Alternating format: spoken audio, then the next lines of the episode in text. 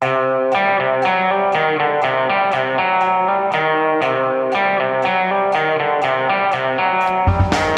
Ikke visste jeg at alle disse dagene som kom og gikk, de var selve uke 49. Og det, er, eh, det har vært en hard uke. Julekrigen er på sitt mest intense.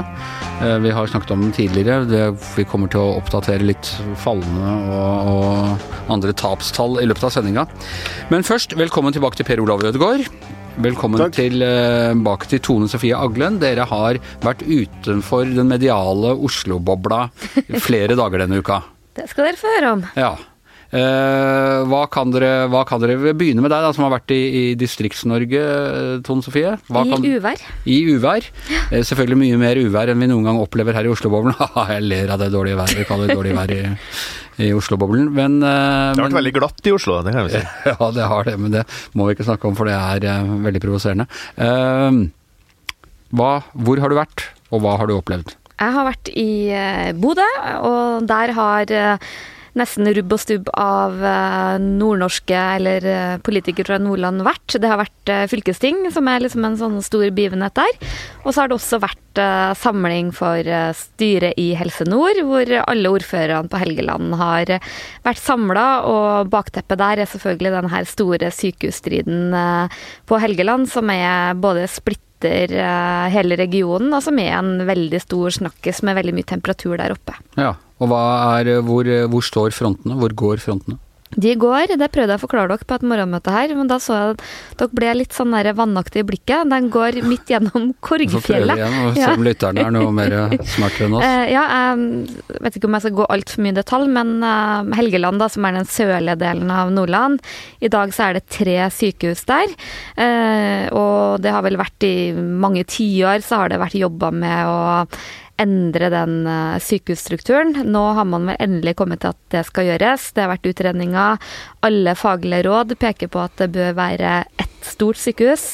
Eh, men, og det er det egentlig ganske stor enighet om at det er klokt, men der eh, stopper også enigheten. For hvor skal det store sykehuset ligge? ja, det er nettopp det, Anders Giæver, som er stridens kjerne, i likhet med ganske mye annet. Men det som har vært ganske dramatisk nå, er på en måte at eh, det lokale helsestyret la fram en innstilling hvor man pekte på Mo i Rana eh, som plass for eh, eh, det her største sykehuset, med et mindre sykehus, som man kaller det, i Sandnessjøen, med mindre funksjoner, hvor man kan gjøre mye mindre oppgaver.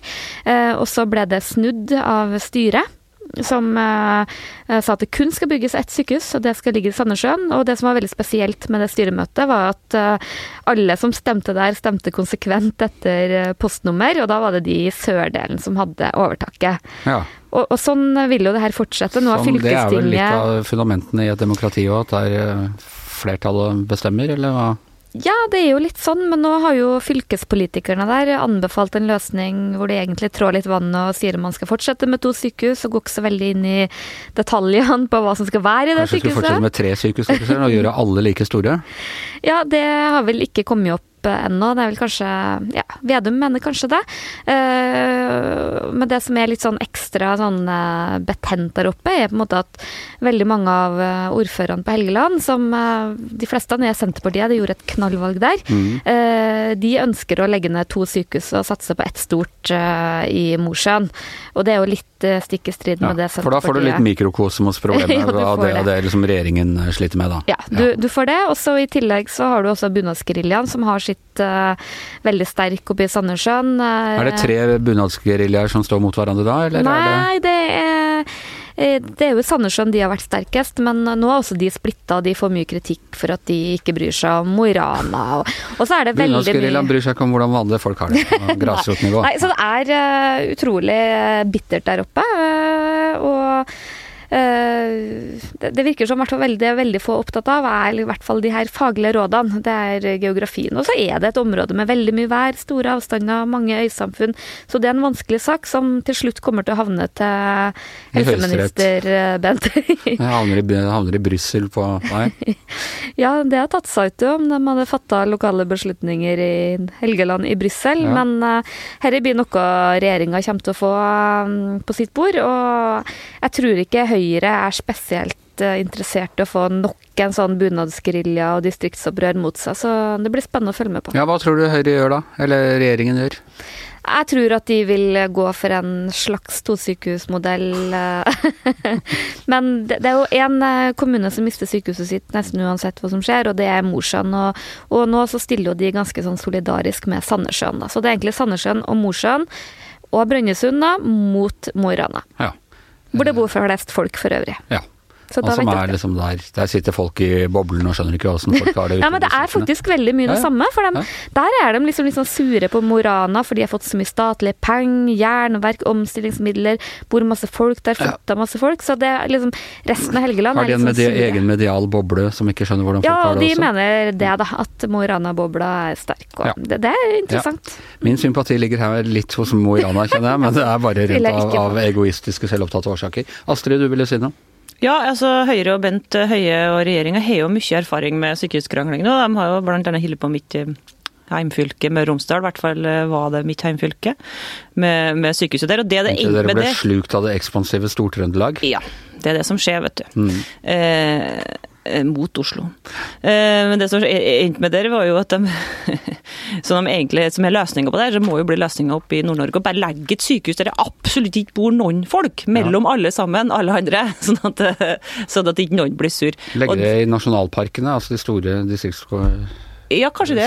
i hver sin nasjonalpark? Opphev altså. vernet. Som, samme er jo borti, borti um, på Innlandet, det er hva det heter nå, da, mellom Hamar og, og Lillehammer òg, der de har funnet en sånn mellomløsning der, um, der, der sånn at ikke du skal Alle ta blir like misfornøyde, er jo det politiske kompromisset, er ikke det som er eh, Virker sånn. Og de holder vel på nede i Agder, gjør ikke de det? Altså sykehusstriden rir hele Norge. Du har jo Men- også på, oppe på Innlandet. Det er en stor sykehusstrid der også, så det foregår over hele Norge. Jeg vil jo ikke si at Oslo og Østlandet har vært helt fritt for sykehusstrid, eh, de heller. Nei, og her i Oslo er det jo helt uh, krise. Sånn uh, Folk står steilt mot hverandre. Det er sykehus vi skal leve av, i hvert fall etter at oljen forsvinner. Ikke sant.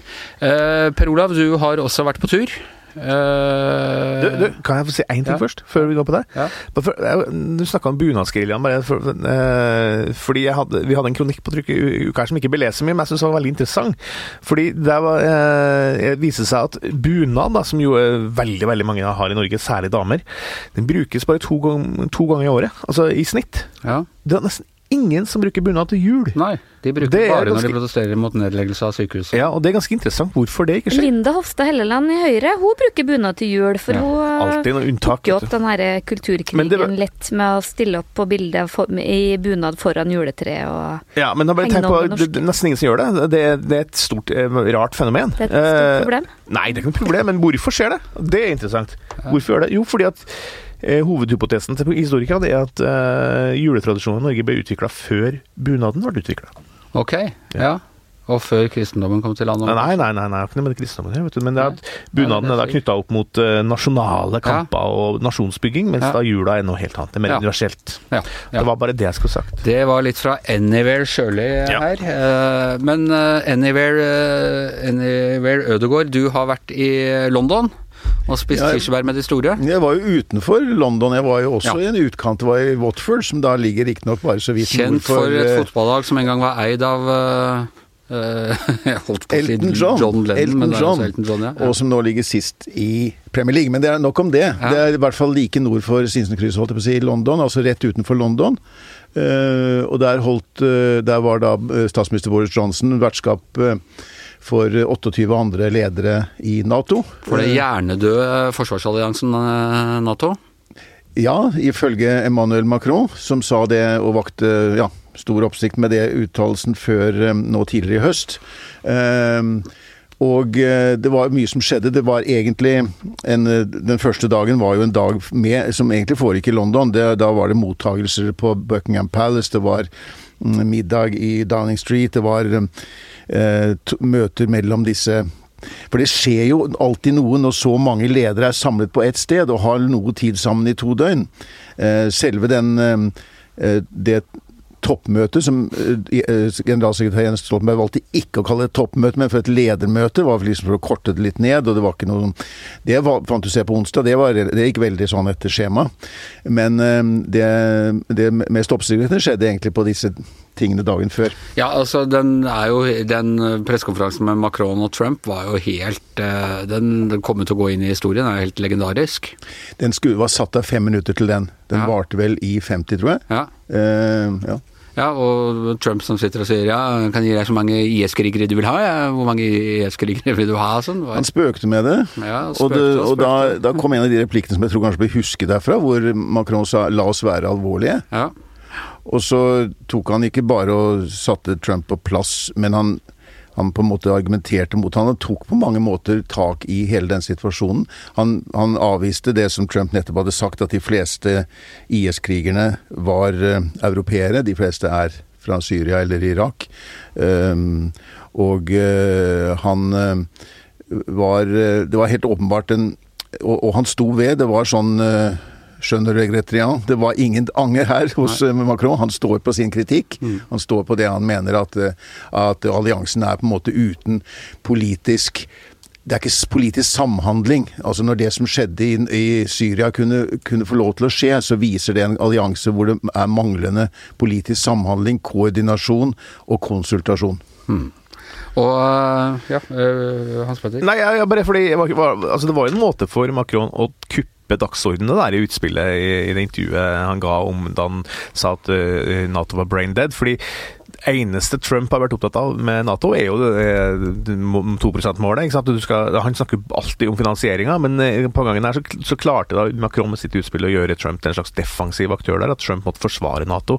Sånn sett så var det et ganske strategisk lurt utspill. Ja, jeg mener han, han tok eh, det var, det var det er slutt også på den tiden hvor en europeisk leder sitter bare og hører på og forsøker også å snakke en amerikansk president etter munnen. Macron var veldig tydelig på å stå på sitt, og var veldig klar i den Det var en ganske anspent pressekonferanse. Og Macron oppnådde jo det han ville med det, fordi et av resultatene, et av de sånn synlige resultatene av dette møtet, som jo egentlig var for å markere at alliansen er 70 år, det var at uh, Jens Stoltenberg da har fått i oppdrag å lede en sånn et arbeid med å forbedre den politiske dialogen i Nato. For å, øh, nettopp i møte, for, for, på grunn av det som Macron tok opp. Fordi én ting er jo at Nato er sterkt militært, og at de er flinke til å tilpasse seg situasjonen militært ettersom eh, trusselbilder og, og, og verden forandrer seg. Eh, men det andre er jo nettopp det samholdet, det politiske samholdet, at ledere kan møtes, at man er enig om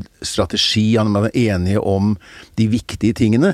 Eh, Og det er det som har vært problemet i Nato nå i senere tid. Ikke at man ikke er militært sterk, for det har skjedd en veldig opprustning eh, og, og, og på en måte en omstilling av Nato, men dette mm, fraværet av politisk enighet er et, er et alvorlig problem som Macron har rettet søkelys på. Var du med på å baktale Trump og drive og le av han sammen med de øh, andre sånne sissy-land som Canada og sånn, eller? Det hadde skjedd et eller annet med at eh, jeg hadde ikke, Min invitasjon til Buckingham Palace var ikke der, så jeg vet ikke hva som hadde skjedd der. Men, eh, men det var en veldig Det var en av de virkelig minnerike episodene, dette også. Det der som eh, Canadian Broadcasting tok opp.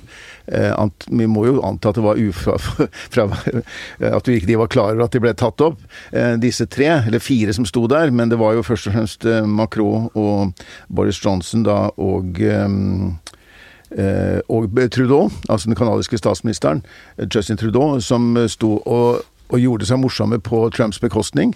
Eh, åpenbart eh, eh, Altså, de, de Jeg, jeg tenker at det er sånn øyeblikk hvor, hvor liksom bølla i skolegården plutselig får vite at jeg har, jeg har bare frykt til å styre med, det er ingen respekt, ikke sant. Med en gang de føler seg trygge på at jeg ikke hører på, så står de bare og driter meg ut, ikke sant.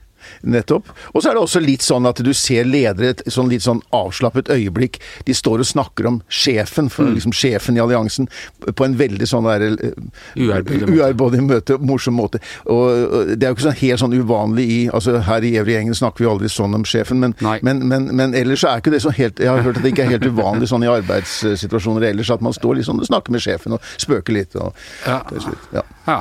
Nei, og Men nå er jo sjefen borte. Så vi Nå har er jo sjefen borte, hva syns dere egentlig om henne? Nei, det er jo bare tulla. Uh, Trump ble jo, eller det ble i hvert fall tolket som han droppa det siste møtet og, eller siste pressekonferansen og, og, dro hjem. Tror du han virkelig var fornærma for dette, eller han hadde, har jo litt å henge fingra i hjemme òg, det kan jo skyldes det? Ja. Um ikke han, han, har jo alltid for vane å ha en stor pressekonferanse ved slutten av den type møter. Han har pleid å ha det. De er ofte lange, de går i alle veier, retninger. Eh, og eh, dette hadde jo vært en fin anledning for ham, sånn sett, også markere at han var ute på den store scenen, mens demokratene hjemme var opptatt av um, å liksom forberede riksrett mot ham, så, så, var han ute og gjorde viktige ting for nasjonen. Uh, Uh, og, og, han har jo Han kunne jo vise til at Nato har gjort mye av det han har bedt om, og, og øke bevilgninger osv. Og, så og sånne ting. Men han valgte ikke å gjøre det, og jeg tror jeg, det, det, det, det, var nok fordi at han hadde fått nok av dette. Han var ikke fornøyd. Han var åpenbart Uh, synlig, vil jeg nesten si, når du så de TV, og vi måtte basere oss på TV-bilder når han kom og gikk. og Det virket ikke som han hadde, mer, hadde noe ønske om å være der noe lenger enn helt strengt tatt nødvendig, og det var uvanlig at han, han virka sur, for å si det kort Absolutt. Ja. absolutt. Uh, og det har han all mulig grunn til sånn på generelt basis, for uh, i går så vedtok da Kongressen, eller Representantenes hus, og at de skal stille Donald Trump for riksrett, den tredje presidenten i USAs historie. Historisk dag, det altså. Ja, ikke, ikke, veldig uventet, men nå går denne prosessen sin gang. Og eh, nå, vel, nå vil det nok bli en avstemming før jul, må vi regne med? Ja. Og da vil uh, riksretten starte i januar. Det er da nøyaktig 21 år etter at uh, forrige president uh, som ble stilt for riksrett, Bill Clinton, startet det. Vi har snakket mye om det her denne uken, og vi kommer til å snakke mye om det. Jeg skal ikke tvære ut for mye om dette her. Men det var et øyeblikk i går på pressekonferansen hvor da Nancy Pelosi, som er lederen, speaker of the House, forteller dette her, og hun blir spurt av en journalist fra Fox News, han Rosen, er han det? I hvert fall konservativ journalist, mm. som spør om hater du presidenten? Og hun tente på alle pluggene, gitt. Ja, det var ganske spesielt. Altså, hun var jo på vei til å gå fra Hun hadde egentlig avsluttet pressekonferansen, og han bare kastet ut det som et spørsmål da hun var på vei ut i kulissene der. Og da stoppet hun opp, og først eh, protesterte mot at han brukte det ordet hat, og brukte det om henne. Eh, og gikk tilbake igjen på podiet og på talerstolen, og fortsatt med et lengre svar. Ja, og veldig sånn amerikansk. I hate nobody, I was raised a good Catholic, I pray for the president every day, og sånne ting. Uh, det, er jo, det, er jo, veldig amerikansk, eh, det der. Uh, men for så vidt, for så vidt liksom også uh, betimelig. Men tror du på henne? Tror du at hun ikke hater Trump, eller tror du de er For de er forbanna borti USA nå? Jeg tror i hvert fall det var veldig viktig for henne å markere forskjellen på det der med at én ting er hva, man synes om presidenten, en annen ting er hva man For hun kalte ham jo feiging og litt av vært Samtidig. Ja, altså hun, hun, markerte veldig tydelig at, hun, at, han var da eh, in denial, som hun mm. sier i forhold til klima, at, han, at hun sviktet han var eh, feiging, våpen Ja, mange ting. Hun ramset opp alle disse politiske uenighetene. Men så sier jeg at ja, det er politikk. Dette er sånne ting som vi skal stemme over ved presidentvalget neste år. Men det andre er faktisk at vi mener at han har gjort seg skyldig i å misbruke embetet. Og da handler det om å være At vi må leve opp til den um, eden som vi har avlagt i de, i de offentlige embeter vi sitter. Mm. Vi, har, vi, har, vi, har, lovet å forsvare loven og Høyesterett Nei, Grunnloven.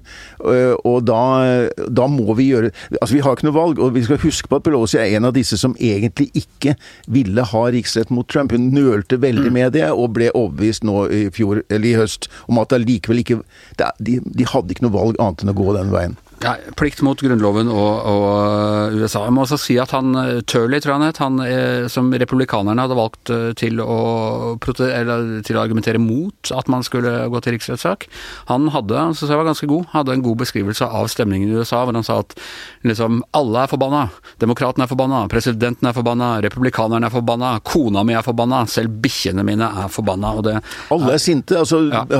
Trump reiste sint hjem fra ja. England. Fra Joe Biden skjelte Joe Biden en... skjelte ut en velger i går. Ja, ja. Så alle er sinte. Ja. Alle er sinte, bortsett fra her i Everøy-gjengen, hvor vi er vårt vanlige flegmatiske, nærmest eh, tar verdensbegivenheten med nærmest senaktig ro. Men det er jo sånn at eh, det som skjer i USA har jo også forgreininger inn i Norge. Fordi eh, det som har vært ukas store snakkis, er jo eh, Jeffrey Epstein-saken. Som jo endelig, eller endelig, nå fikk en norsk dimensjon. I tillegg til Terje Rød Larsen, som også har vært dratt inn litt i det her. Men nå ble det faktisk sånn at norske kongehuset ble dratt inn i Epstein-saken, Astrid. Og du har vært helt besatt av Epstein-saken, og du kan alt om den. Eh, men hva, hva, hva, hva egentlig er hvor, Hva har Mette-Marit med Jeffrey Epstein å gjøre?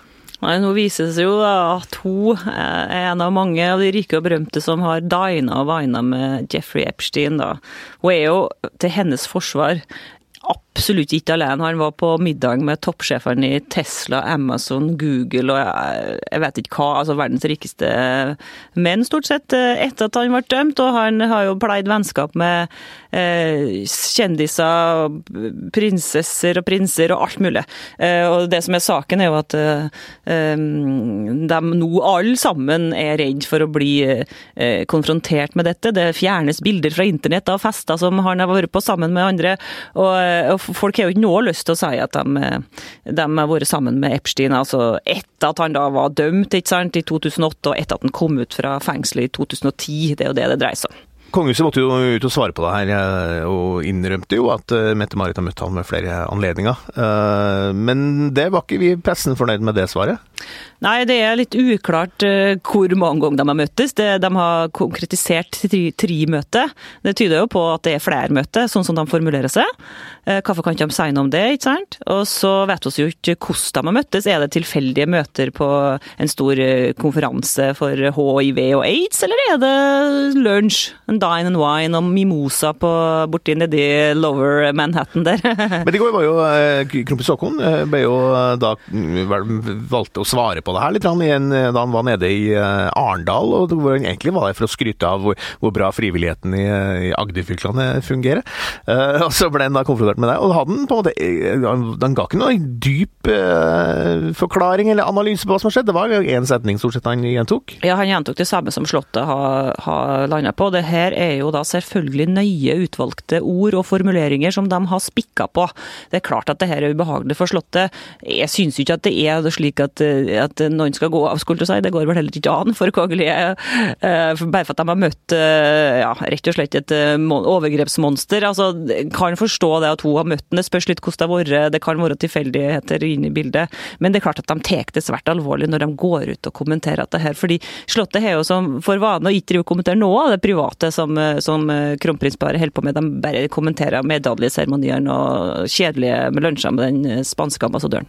Men hva, ja, hva, jeg ble så nysgjerrig. Hva mente egentlig kronprinsen om frivilligheten i Agder? Ja, Det var han kjempefornøyd med. Var... Dugnad og de ja. var bra. Det svarte han villig vekk på. Men ting, og spesielt fordi at han var så bra til å børste hester og sånn. og så var det veldig det, For det er veldig viktig å ha et nært forhold til dyra og sånn, og det frivilligheten gjør jobb der. Men det, det som han understreka, var jo at uh, veldig viktig var jo at uh, Mette-Marit er veldig lei seg for deg, og det, det, er jo lett å forstå. Det er ikke noe kult å bli uh, assosiert med han derre uh, monsteret Jeffrey Epstein. Ikke noen som vil det, ikke sant? Og det sier jo sitt. Slottet går faktisk ut og beklager, så da mener jeg at det her var tabbe. Og det som skjedde, var jo at alle aviser nytt 2011, det året Mette-Marit første gang møtte Epstein, skrev om Epstein som pedofil, milliardær, navnga han, har bilde av en VG, Dagbladet, Aftenposten, TV 2 osv. gjorde det. Så det var litt rart at de ikke har fått med seg det, ikke sant? og det er det de går ut og beklager nå. Det, ja.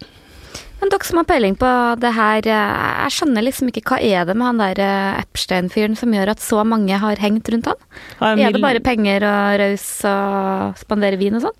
Ja, utrolig rik, da.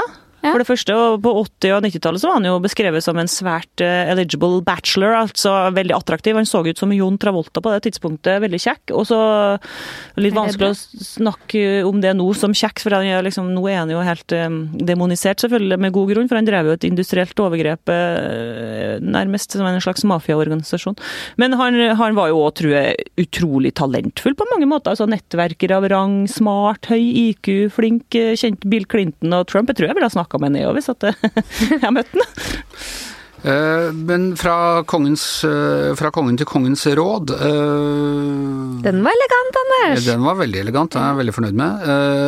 Tone Sofie, vi prata i går om da, basert på jeg vil si gode ubekreftede rykter, var det, det var det dog ikke, men det var fra Aftenposten, én artikkel i Aftenposten som gjorde at vi prøvde å jazze opp en sånn det er problemer innad i Høyre, en sak her i går om misnøye med Sander og folk i valgkomiteen som ville ha han skifta ut og sånn. Men det er, eh, hva skal vi si, det er bevegelser eller krakeleringer inn mot regjeringen nå eh, før jul, er det ikke det?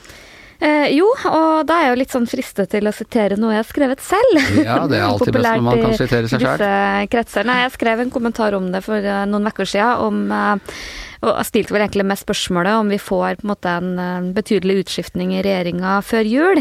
Eh, For jeg har i hvert fall syntes at det har vært påtakelig hvor, hvor lite utskiftninger Høyre har hatt. Frp har jo hatt justisministre på løpende bånd, men, men utover det så virker det som at Solberg har holdt veldig på sitt gamle mannskap, som hun har høy tillit til. Men er det Eh, bare fordi det ikke har vært utskiftning på lenge, så bør det skje før jul, eller er det noe annet du vet her? Nei, jeg tror eh, Nei, vet og vet, men eh, jeg tror det handler om flere ting. Det ene handler om at det er et betydelig generasjonsskifte på gang i Høyre. Det er flere av de som sitter i regjering som er på vei ut. F.eks. Bent Høie, da, som nå ikke overraskende har sagt nei til gjenvalg. Han skal bli fylkesmann. Det er flere av de som sitter her som eh, ikke har plass på Stortinget, eller som egentlig er litt sånn ferdig i politikken. Og så har du ganske mange unge, dyktige folk som eh, man bør på en måte teste i regjering. Og så en annen ting som jeg, jeg merker veldig godt når du har vært i Nord-Norge, i hvert fall, er at eh, mange er misfornøyd med at regjeringa er for dårlig på den der distriktsprofilen, er opptatt av å utfordre særlig Senterpartiet, og er litt sånn på leiting etter em, nye kandidater som kan eh, gi Høyre mer kraft der, da. Det, det, var et av problemene til Jens Stoltenberg kanskje på slutten av hans andre periode også, at han, de unge fremadstormende Ap-politikerne ikke fikk plass ved kongens bord. At han satsa på de gamle, tok inn Sigbjørn Johnsen igjen på nytt og sånn. ikke sant? Er, er Erna, hvis ikke hun gjør noe, er, da kan jo fortsatt hun ende i samme liksom, litt sånn døvende der, ikke sant? Ja, jeg tror at det er en fare, for Erna er nok en sånn type som eh, eh, liker liksom det trauste, dem hun kan stole på. Det er jo ikke sånn mange av statsrådene til Høyre. Ja, eksempel- rett og slett. Ja, ja. Monica Mæland og Bent Høie. Sånn, det, det er jo ikke noe galt med dem. Bent, eh, Det det, er på tide å skifte ut Sven Stray som utenriksminister.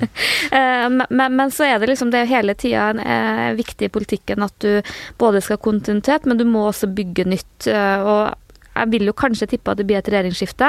Det blir kanskje den siste sjansen Høyre har Men ikke til før å Nei, det blir det ikke. Men, eh, men det kan jo bli som Arbeiderpartiet, at hvis de detter ut av regjering nå, så kan det ta mange år før de er tilbake.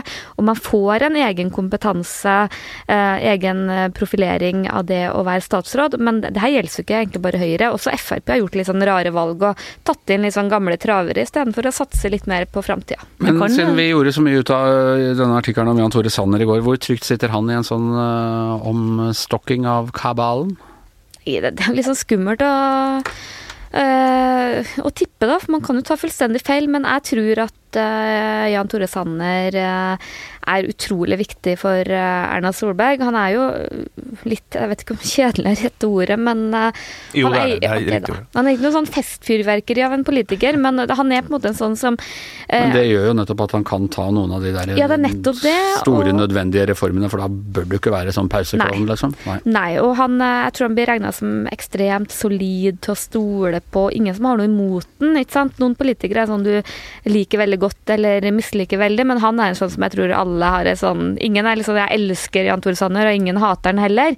Så jeg tror han er solid og viktig for Erna, så jeg blir overraska om han ryker. Men jeg tror det er andre, da, heller. Men du, eh, Anders, det var, jo ikke, det var jo rett før det ble regjeringskrise her. Så hvis Stortinget ikke har gitt etter for eh, FrPs krav om eh, svinepølse Ja. på juletrefesten, så kunne, det jo blitt, eh, så kunne det jo virkelig blitt dramatisk. Ja, nei, det var jo et knefall for islam her, eh, som jo egentlig var det det var snakk om mens du, du var borte. Vi holdt på å kalle deg hjem for eh, i tilfelle det skulle bli regjeringskrise. Eh, det ble servert kalkun... Eller det var planer om å servere kalkunpølser Ja, var det ikke kyllingpølser? Kyllingpølser, ja. Var det ikke, var det ikke kalkun? Kylkun, kanskje? Jeg trodde det var kalkun. Nå føler jeg at alt dette må ses i et Kanskje nytt lys. kyllinger av kalkun. Ja, eh, det kan hende. Kalkunkylling. Ja, i hvert fall. eh, Dette, eh, dette var da oppe i eh, Stortingets presidentskap, eh, og heldigvis fikk de utvidet, da. De klarte å finne en mellomløsning hvor de utvider og serverer både fjærkrepølser og svinepølser. Men ellers så hadde knefallet for islam vært eh, totalt, og Norge hadde vært en sharia-republikk. Men jeg er egentlig ganske krenka, for jeg gikk faktisk forbi de plakatene der og reagerte også eh, på at det liksom kalkunpølser, eller om det var kyllingpølser. plakater? På Stortinget, for det Å, ja. hang masse sånne plakater om juletrefesten. eh, Ok, og der var det gjort et ja, poeng ut av av ja, det sto at det var servering av kanelboller og Er det rart det blir krig her i verden? Men det kan jo være, det kan være en sånn bokstavrim, at de ville ha kanelbolle og kyllingpølse. At Det, de bare det syntes det, kan var, være, men så det, fint det så liksom litt sånn rart ut, for vanligvis så skriver man jo pølser, på en måte. Men, Mm. men jeg, da ble jeg litt sånn personlig krenka for at det ikke var vegetarpølser. Ja. Og det er ingen som har tatt den eh, krigen. Nei. Nei. Jeg tviler vel på at Tybring-Gjedde blir At det liksom er buddhistene som uh, Ja. hadde krevet uh, Jeg håper Miljøpartiet eller en eller annen kommer på banen. Ja. Vi har snakket om julekrigen her før, men den har altså den har preget uka. Uh, og, og, men det har kanskje roet seg ned nå. Det viste seg at i Seljord det var ikke muslimene. øh, og, og de får svinepølser på, på Stortinget, og julefreden kan senke seg. Ja, for det var som Morten Wold i Frp sa, nå saken har løst seg. Ja, ja. Og Men du, det er bare 6. nå, nå, er det, nå er det til og med lov å si god jul i USA også igjen, og nå har nettopp Trump annonsert at han skal ha sånne nye valgkampmøter. og Det skal være sånn Merry Christmas-rallies Ja. nå eh, rett før jul. Ja. Fordi at nå kan man jo faktisk si det. Det var jo ikke politisk eh, korrekt da under Obama. Det var forbudt under hevder Han, Det selv var om- noe ironisk her. Vi er litt ironiske, for han sa eh, Obama sa altså 'Merry Christmas' eh, i, i massevis. Eh, For øvrig stor sak at å se på hun Melania Trump har jo pynta Det hvite hus igjen. Har dere fått med dere det? Yes. Annen I en Med i år. Nedtonet, dempet julestil, Jeg syns det er ganske stilig, det der eh, pyntinga. Jeg foretrekker det framfor den der sånn cozy home and garden-aktige greia som de, de Tidligere har alltid vært sånn at de skal gjøre det som veldig sånn landsens i disse dekorasjonene, men hun, hun får det til å se ut som liksom Sax på Fifth Avenue eller eh, et eller annet sånn litt sånn stilig varemagasin. Men det var jo noe i fjor med at det var litt sånn Cruella de Ville-aktig farge på de trærne. Det var ikke litt sånn blodrødt overalt og mørkerødt. Jul i Blodfjell. Ja. Men, nei, men jeg syns de også var ganske stilige. Må si i det hele tatt Så jeg syns hun har litt class, hun eh, Melania. Men det er litt sånn, du skriver jo om eh, jula, gjør du ikke det, Anders? Jo, jeg gjør Ja. det søndag. Ja, nei, for eh, altså, jeg er jo veldig lei av den her gjentagende at en eller annen plukker opp at noen har uh, ville nynne 'Deilig er jorden' eller et eller annet. Det er jo hvert år, og så er det å, jeg skal ikke være lov å feire jul, og så kommer noen bare herregud, det er jo ikke noe sånn Det, det er veldig gjentagende og stråmann og alt det der.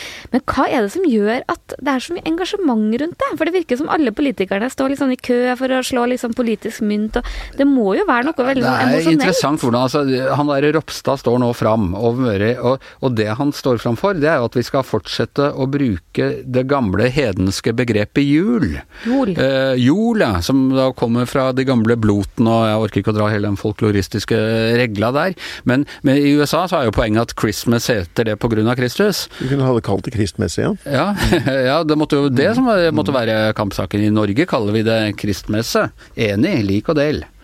Det hadde vært noe. Ja, det hadde vært noe. Nei, jeg veit ikke. Jeg tror de bare prøver å Altså, de, de prøver å hoppe på, og det er helt tydelig. Selv Høyre prøvde seg jo å tryne ganske spektakulært på, på denne her eh, og, Ja, også den pølsesaken er jo så spektakulær i seg sjøl at det, det nytter ikke å toppe den på noe vis. Nei. Så altså, du, du tok nærmest piffen ut av hele War on Christmas i Norge. Fordi det, ja, for som han som jeg ser igjen, Morten Wold sa, saken er endelig løst. Ja. Og Tybring-Gjedde har fått sitt livs første politiske gjennomslag. Jeg må jeg si at jeg syns Tybring-Gjedde var ganske morsom på, på Nå er du, nå, du er på glid om Du er med Melania Trump og Ja. Tybring-Gjedde og Ja, ja, nei, det, Jeg må si at når jeg var i, jeg var i. På vårt, nabo, vårt eh, kjære naboland i vest der, så var det liksom tre nordmenn, eller tre norske ting som var ø, ø, omtalt i denne korte tiden jeg var der. Og det ene var Ole Gunnar Solskjær, som liksom vant igjen med Manchester United. Og så var det, og så var det da um, Jens Stoltenberg som ledet Nato-møtet, som hadde ganske Og så var det det der juletreet som står nede på Trafalgar Square. hva er det for en sorry liten pjuskete kvist vi har sendt til Trafalgar Square eh, i år? Nei, altså jeg, jeg deler ikke forargelsen, da, bare så Nei. det er sagt. Det er, et høyt, det er et høyt og flott tre, men det er kanskje litt slankt. Det er kanskje litt uh, glissent. Det er det, altså noen, Dette er jo sånn typisk. altså Det er noen på Twitter som, som, som karakteriserte det som en opplyst agurk. Ja, vi har, vi har oppslag om det i VG i dag, så Ja da. relativt viktig er det jo. Ja, men det er noen som har Noen. Altså, det, er- det er ikke noe storm, tror jeg. Ja. Det er ikke noe tid. Men det var såpass at BBC morgensendingen i går tok det opp. Eh, Riktignok ganske kort, men der sa de at eh, Der hadde de på en måte forklart at dette er et eh, gammelt, fint tre. og har stått der i nesten 100 år. Og, og, men, og det, det ser sikkert bedre ut når du får lysene på, sa de da. Og da for det var før det, det tente det i går kveld. Ja. Men Jeg syns ikke det så så galt ut, men det er i hvert fall sånn som skaper diskusjon. Ja. Hva synes har dere sett på bildet av treet? Jeg syns det ser ordentlig sorry ut. Det er ikke noe altså, takke det, Dette er jo eh, tradisjon for å takke for hjelp under krigen og, og alt sammen. Jeg tror tre er bare en sånn fuck you til hele brexit-prosessen. Altså. Det, det, det, Ja, ja. men vi har holdt på med det i 70 år, Hans Petter. Det er jo takk fra Jo, men på grunn av det ser, befolkning så Anders sier det ser veldig pjuskete ut. Det er pjuskete tre. Det er sånn jeg, Det er slankt. det her. Det er ikke noe Jeg føler at dette er war, war on uh, Dette er en del av julekrigen. Vi tar den nå utover grensene og går til krig mot England. ja, men, ja, men dette ser, dette ser ut som et ekte norsk grantre, i motsetning til de der trærne som står i Det hvite hus, som er en sånn derre Lubent, Disney-versjon av dem. Merk mine ord, dette er julekrigens skuddene i Sarajevo. Dette kommer bare nå til å eskalere framover. Eh, ok, eh, siden vi er så opptatt av jula her. eh, et juletips eh, på tampen. Julefilm snakket vi om at vi skulle anbefale i dag. Start med deg, Hans Petter. Hva er din favoritt-julefilm? Du måtte starte med meg, ja. Ja, du måtte starte med deg. ja for Jeg proklamerte jo her at jeg ikke har noen julefilmfavoritt, for jeg syns ikke julefilmene er spesielt eh, fine. Men da tenker jeg da ligger du lista såpass lavt at det blir Men jeg må jo si at jeg syns at uh, det derre Jul i Blodfjell som du nevnte her i stad, uh, er julekalenderen på TV Norge, da, som, som en masse norske komikere har vært med på, er ganske gøy. Altså. Og det var veldig Og gøy. litt skummel.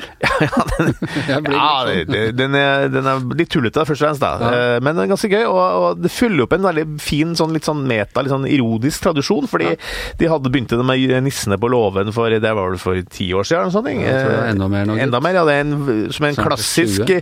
vi kødder med jula-opplegg, og det, Ja. ja. det syns jeg er veldig artig å, å tåle gjensyn. Og syns Jul Blodfjell passer bra. Ja.